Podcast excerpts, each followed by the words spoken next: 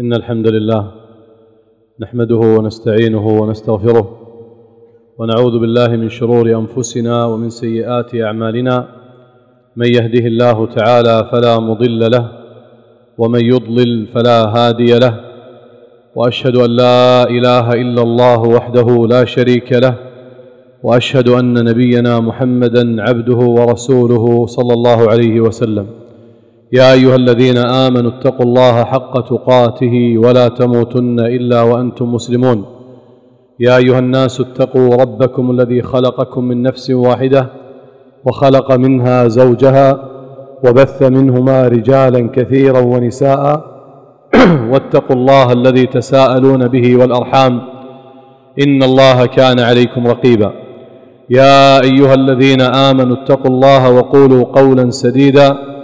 يصلح لكم أعمالكم ويغفر لكم ذنوبكم ومن يطع الله ورسوله فقد فاز فوزا عظيما. أما بعد فإن أصدق الحديث كلام الله عز وجل وخير الهدي هدي نبينا محمد صلى الله عليه وسلم وشر الأمور محدثاتها وكل محدثة بدعة وكل بدعة ضلالة وكل ضلالة في النار. ثم أما بعد فإن الله عز وجل قد جبل النفس البشرية على حب القصة وسماع القصص والأخبار وهذا أمر فطرت عليه النفوس وتلذذت به الأفئدة ولا شك أن أعظم القصص وأنفعه هو قصص القرآن الكريم.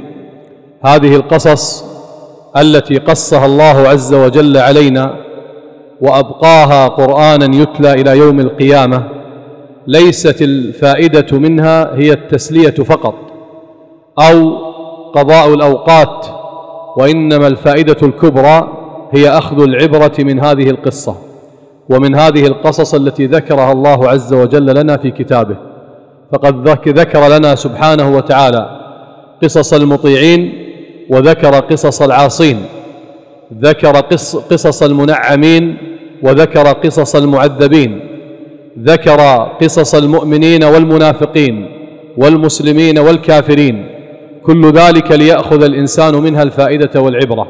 قال الله عز وجل فاقصص القصص لعلهم يتفكرون وقال عز وجل لقد كان في قصصهم عبرة لأولي الألباب وهذه القصص بلا شك أن الوقوف عندها والتمعن فيها يزيد العبد إيمانا وقربة إلى الله عز وجل.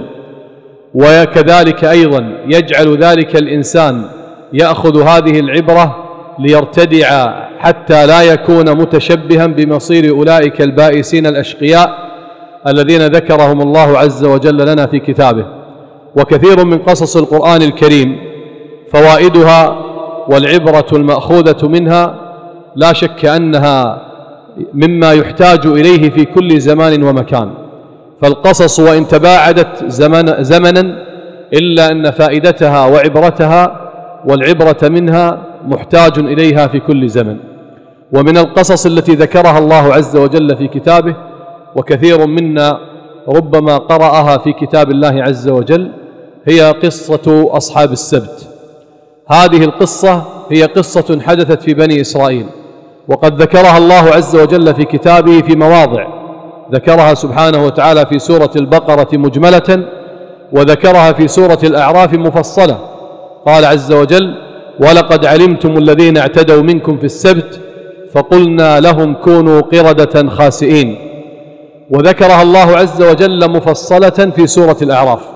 وقبل ذكرها لا بد أن نذكر هذه القصة لأن الفائدة كما ذكرت ليس مجرد سرد هذه القصة بقدر ما تكون الفائدة هي في أخذ العبرة منها وتنزيلها في واقعنا الذي نعيشه اليوم.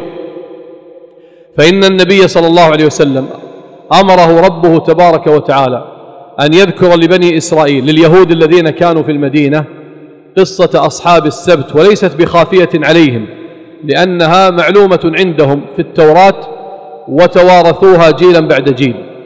ولذلك قال الله عز وجل لنبيه واسألهم أي يا محمد عن القرية التي كانت حاضرة البحر إذ يعدون في السبت إذ تأتيهم حيتانهم يوم سبتهم شرعا ويوم لا يسبتون لا تأتيهم كذلك نبلوهم بما كانوا يفسقون. أصحاب السبت هم طائفة من اليهود أسرفوا على أنفسهم بالذنوب أكلوا الربا وظلموا الناس ووقعوا في كثير من الكبائر والمنكرات. لهذا الله جل وعلا ذكر ذلك عنهم وأخذهم الربا وقد نهوا عنه وأكلهم أموال الناس بالباطل فأراد الله أن يبتليهم فحرم عليهم سبحانه وتعالى وكان هؤلاء طائفة على البحر يعيشون فحرم الله عليهم الصيد يوم السبت. أي لكم أن تصيدوا ستة أيام في الأسبوع إلا هذا اليوم. وزاد البلاء عليهم أن الله عز وجل إذا كان يوم السبت جعلت الأسماك تطفو على السطح تغريهم بالصيد في هذا اليوم. وبقية الأيام تغوص الأسماك في الماء فلا يصيدونها إلا بمشقة. صبروا أياما ثم بعد ذلك قام أحدهم فتحايل على الصيد في هذا اليوم. فكان ينصب شباكه يوم الجمعة ثم إذا جاء يوم الأحد فرغ الأسماك التي في داخل هذه الشباك والتي كانت قد دخلت يوم السبت كما هو اليوم الذي الذي دخلت فيه الأسماك بكثرة. وقيل أنه حفر أخدودا يعني مجرى ماء قريب من هذا البحر فكان البحر إذا صار مدا دخلت الأسماك في هذا المجرى وفي آخر المجرى كانت هناك حفرة تغوص الأسماك فيها فإذا رجع الماء استقرت الأسماك في الحفر فتناولها بيده. سواء فعل هذا أو هذا في كلا الأحوال كان يصنع هذا يوم السبت. ثم هذا الرجل كان يعمل الأمر باستخفاء كما ذكر ذلك أهل السير. ثم بعد ذلك بدأ الأمر يفشو فيهم شيئا فشيئا. شم أحدهم رائحة شواء السمك فلما سأل صاحبه أخبره بأنه يفعل كذا ثم انتشر هذا الأمر في بني إسرائيل. وبدل أن يكون واحد انتشر الأمر في كثير منهم. ثم جاءت أمة تأمر بالمعروف وتنهى عن المنكر فحذروهم مما يصنعون ومما يفعلون وأن هذه حيلة لا تحل لهم الحرام ولا تبيح لهم هذا المنكر لكنهم أصروا على ما هم عليه. ثم جاءت طائفة ثالثة الأولى صادت يوم السبت والثانية أنكرت عليها فجاءت طائفة ثالثة هي لم تصد نعم إلا أنها أنكرت على الذين ينكرون وهذا من عجيب الأمر وتناقضه, وتناقضه. بدل أن ينكروا المنكر على الذين وقعوا فيه ذهبوا إلى الذين أمروا بالمعروف فقالوا لهم اتركوهم وشأنهم ما دام أنكم لم تصيدوا فما شأنكم بهم لتنصحوهم وتعظوهم. والله عز وجل قد ذكر حال هذه الأمة الثالثة. نعم هي لم تصد لكنها أيضا لم تكتفي بالسكوت وإنما أنكرت على الأهل الأهل المعروف الذين أنكروا المنكر. ثم بعد مدة من الزمن وبعد إنكار هؤلاء جاء أمر الله عز وجل فأمر الله الصالحين الآمرين بالمعروف والناهين عن المنكر أن يعتزلوا أهل المنكر هؤلاء ويبنوا بينهم وبينهم جدارا لأن عقوبة الله ستحل بهم. وفعلا وفي أثناء بناء الجدار لم يتوقفوا عن النصح والأمر بالمعروف والنهي عن المنكر حتى إذا اكتمل الجدار أمرهم الله بأن يعتزلوهم. فاعتزلوهم فمسخ الله هؤلاء الذين وقعوا في الصيد يوم السبت مسخهم الله عز وجل إلى قردة. نسأل الله العافية والسلام. لذلك قال عز وجل فلما عتوا عما نهوا عنه قلنا لهم كونوا قردة خاسئين مسخهم الله إلى قردة. ثم مضت ثلاثة أيام كما جاء في بعض الأخبار وقيل أقل. فقال الذين أمروا بالمعروف ونهوا عن المنكر. لو تفقدتموهم لأن بينهم وبينهم جدار هم لا يدرون ما الذي حل بهم. فقال فدخلوا عليهم فتحوا ثقبا في هذا الجدار فوجدوهم قد مسخوا جميعا إلى قردة. نسأل الله العافية. فكان القرد الذي أصله آدمي يأتي إلى قريبه الصالح وهو يعرفه بملامح وجهه. قال فيقول له ألم آمرك بالمعروف؟ ألم أنهك عن المنكر؟ فيهز رأسه النعم. فهذه كانت عقوبة الله عز وجل لهؤلاء الذين وقعوا في المنكر. وقد ذكر الله عز وجل حالهم في هذه القصة بشيء من التفصيل في سورة الأعراف. قال جل وعلا واسألهم يعني يا محمد اسأل اليهود الذين عندك في المدينة. واسألهم عن القرية التي كانت حاضرة البحر. إذ يعدون في السبت يعني يعتدون. فقلنا لهم كونوا قردة خاسئين. واسألهم عن القرية التي كانت حاضرة البحر إذ يعدون في السبت إذ تأتيهم حيتانهم يوم سبتهم شرعا يعني ظاهرة ويوم لا يسبتون لا تأتيهم كذلك نبلوهم بما كانوا يفسقون. قال عز وجل وإذ قالت أمة منهم هذه الأمة الثالثة اللي ذكرناها قبل قليل لم تعظون قوما الله مهلكهم أو معذبهم عذابا شديدا؟ قالوا معذرة إلى ربكم ولعلهم يتقون. فلما نسوا ما ذكروا به أنجينا الذين ينهون عن السوء وأخذنا الذين ظلموا بعذاب بئيس بما كانوا يفسقون. فلما عتوا عما نهوا عنه قلنا لهم كونوا قردة خاسئين. وإذ تأذن ربك ليبعثن عليهم إلى يوم القيامة من يسومهم سوء العذاب. إن ربك لسريع العقاب وإنه لغفور رحيم. هذه القصة على وجه الإجمال والاختصار. يبقى الآن الفائدة الكبرى هي في أخذ العبرة من هذه القصة والعبر حقيقة في هذه القصة كثيرة جدا لكني سأكتفي بثلاث عبر أرى أن الحاجة ماسة إلى معرفتها سيما في هذا الزمان لتشابه الحال وتشابه الوصف بين ما كان يفعل هؤلاء وبين كذلك ما كان أو ما يفعله بعض المسلمين وللأسف الشديد وفيه شبه بفعل هؤلاء. أولا من فوائد هذه القصة بل هو من أعظم الفوائد خطورة التحايل على أحكام الله عز وجل. بنو إسرائيل الذين ذكرنا قصتهم كان عندهم منكرات وعندهم كبائر وموبقات. مع ذلك الله لم يعاقبهم وإنما تركهم. ليس لأنهم غير مستحقين لكن لأن الله أراد أن يؤخر عقوبتهم كحال كثير من العصاة في كل زمان ومكان. لكن لما وصل الأمر إلى التحايل على أحكامه والتحايل على دينه وشرعه فإن الله لم يمهلهم وإنما مسخهم عياذا بالله إلى قردة. لأن الاستهزاء برب العالمين وكذلك الاستهانة به سبحانه وتعالى أعظم وأخطر من إتيان المعصية على وجهها المباشر. لأن هؤلاء تجروا على الله عز وجل وظنوا بزعمهم وجهلهم أنهم يلعبون على الله. كما قال ابن مسعود قبحه الله بنو, بنو إسرائيل يلعبون على الله كما يلعب الواحد على صبيه. فلما وصل الأمر إلى التحايل إليه أو التحايل عليه سبحانه وتعالى والتحايل على شرعه فإن الله عز وجل لم يمهلهم بل عاجلهم بالعقوبة سبحانه وتعالى. ولذلك جاءت الشريعة في التشديد في كثير من الأحكام التي فيها تحايل. كونك تأتي المعصية والمنكر على وجه المباشر هذا أهون. لكن كونك تحتال عليها فهذا عند الله أعظم وأخطر. لهذا كل معصية قرنت بالحيلة نجد أن الشريعة قد غلظت العقوبة فيها. لعن الله المحلل والمحلل له. واحد يعرف أن فلانة طلقها زوجها ثلاث طلقات. طلقة بائن بينونة كبرى. فحتى يحلها لزوجها الأول يأتي فيعقد عليها أو يحتال مع زوجها ليعقد عليها ثم يدخل بها فيطأها لمرة واحدة ثم يطلقها فترجع لزوجها الأول. وهو لا يريد الاستمتاع بهذه الزوجة ولا ديمومة الزواج ولا الاستمرار فيه. إنما غاية ما يريد هو فقط تحليلها لزوجها الأول. ظن هذا الجاهل أنه بهذا الفعل يتحايل على الله عز وجل. فهذا ملعون والمحلل له ملعون الذي هو الزوج.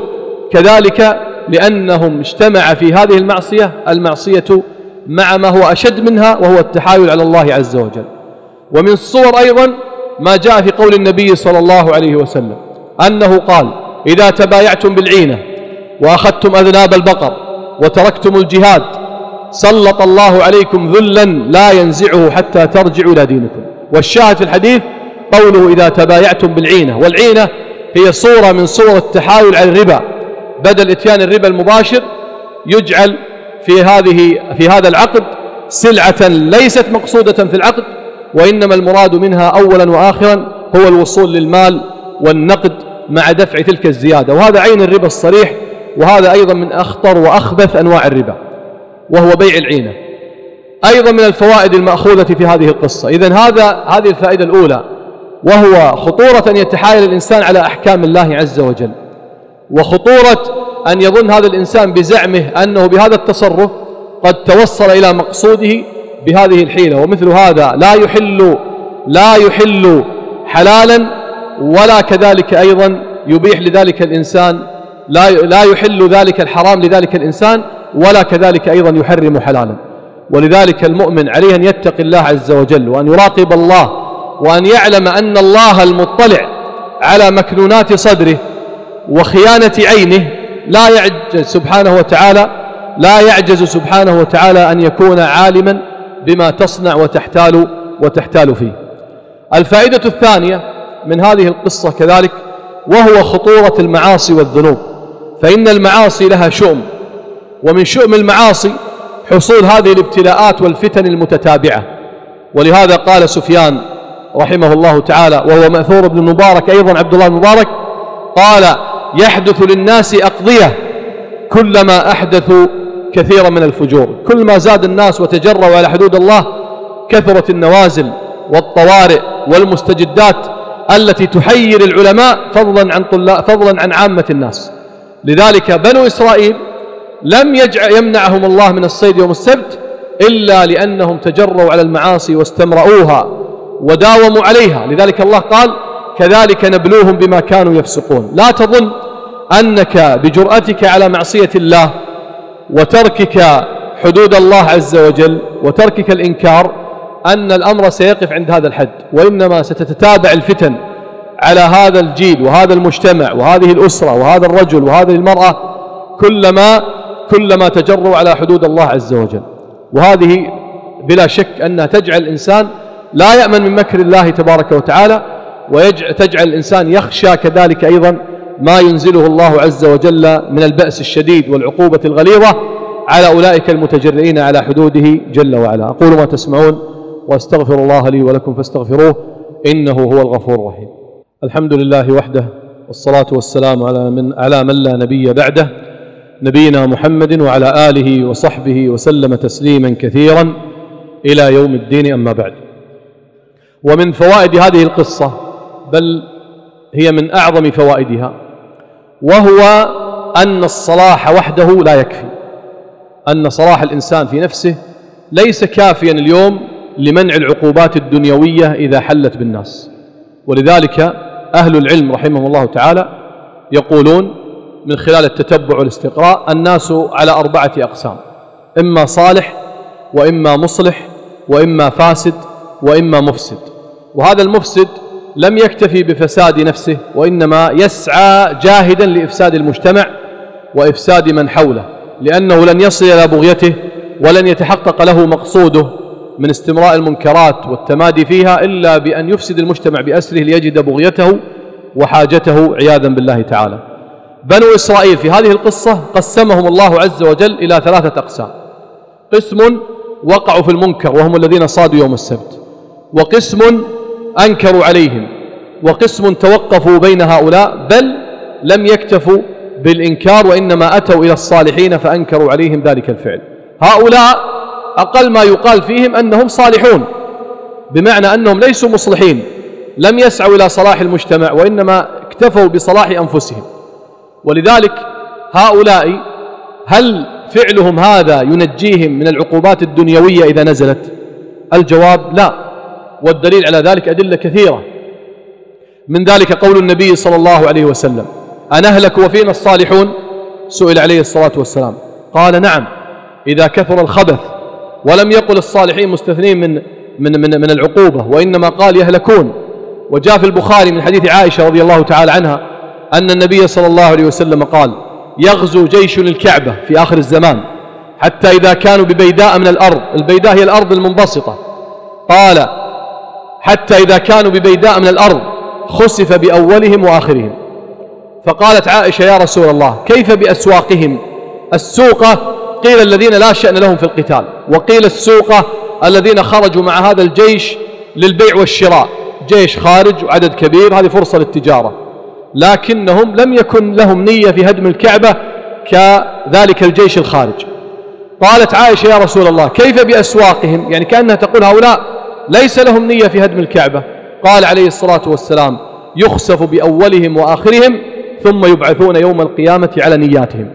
أما العقوبة الدنيوية فإنها تصيبهم لا محالة. ولذلك في قصة أصحاب السبت ذكرنا أنهم انقسموا إلى ثلاثة أقسام. فلما جاء النتيجة وجاءت العقوبة بعد ذلك. ماذا قال الله عز وجل؟ فلما نسوا ما ذكروا به يعني الذين وقعوا في المنكر. قال فلما نسوا ما ذكروا به. قال أنجينا الذين ينهون عن السوء.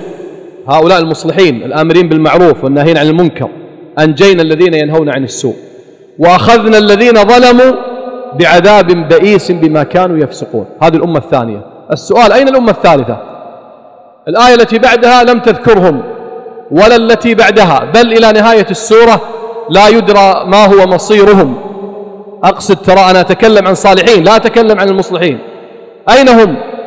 ولذلك اختلف أهل العلم رحمه الله تعالى. هل نجوا مع الناجين أو هلكوا مع الهالكين؟ وبقي هذا الخلاف معلقا إلى يومنا هذا لأنه لم يأتي عندنا وحي ولا جواب من النبي صلى الله عليه وسلم. حتى من دعي له بأن يؤتى فهم القرآن عبد الله بن عباس رضي الله تعالى عنهما نفسه ليس له في المسألة جواب واحد. مرة قال الله أعلم بحالهم ومرة قال هلكوا مع الهالكين ومرة قال نجوا مع الناجين. هو المدعو له اللهم فقهه في الدين وعلمه التأويل. ولذلك ذكر ابن كثير رحمه الله تعالى بعد أن ذكر الأقوال قال رحمه الله تعالى ويكفي في ذم هذه الفرقة أن الله أغفل ذكرها. نسأل الله العافية. يكفي أن الله لم يذكر حالها فبقي مصيرها معلقا ما ندري هم نجوا أو هلكوا. لذلك إخواني الكرام إذا أردت السلامة لابد أن تقف في صف واحد. ما في صف ضبابي في الوسط. صالح في نفسك جزاك الله خير. محافظ على بيتك بارك الله فيك. لكن الأمر لن يكتفي بهذا الحد. وقوف الإنسان اليوم مكتوف الأيدي والكتابة واللسان والقدرة على إنكار المنكر في المجتمعات التي في المنكرات التي تحيط به هذا لا تسلم به ذمة أحد ولا تبرأ به ذمة إنسان. واجبنا جميعا أن نقوم بهذا الواجب العظيم. وإلا فإن العقوبات الدنيوية إذا حلت لن تستثنيك حتى تكون آمرا بالمعروف نهي عن المنكر.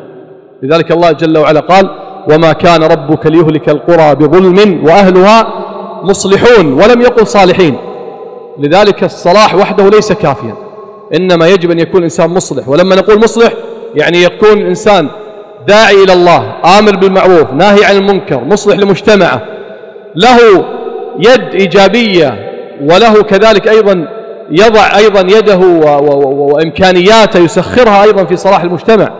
وليس أن يكتفي في صلاح نفسه فقط فمثل هذا ليس كافيا. الفائدة الأخيرة أيضا مما يستأنس به في هذه القصة وهو هل القردة الذين مسخوا هم القردة الموجودين اليوم؟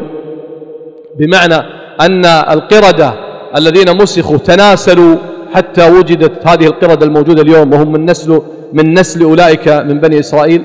الجواب الذي عليه جمهور أهل العلم أن الله لم يمسخ أمة فيجعل لها عقبا. فإن الله إذا مسخ أمة كما قال ابن عباس لم يمضي عليها ثلاثة أيام حتى يهلكها جميعا. والقردة الموجودة اليوم هي خلق من خلق الله.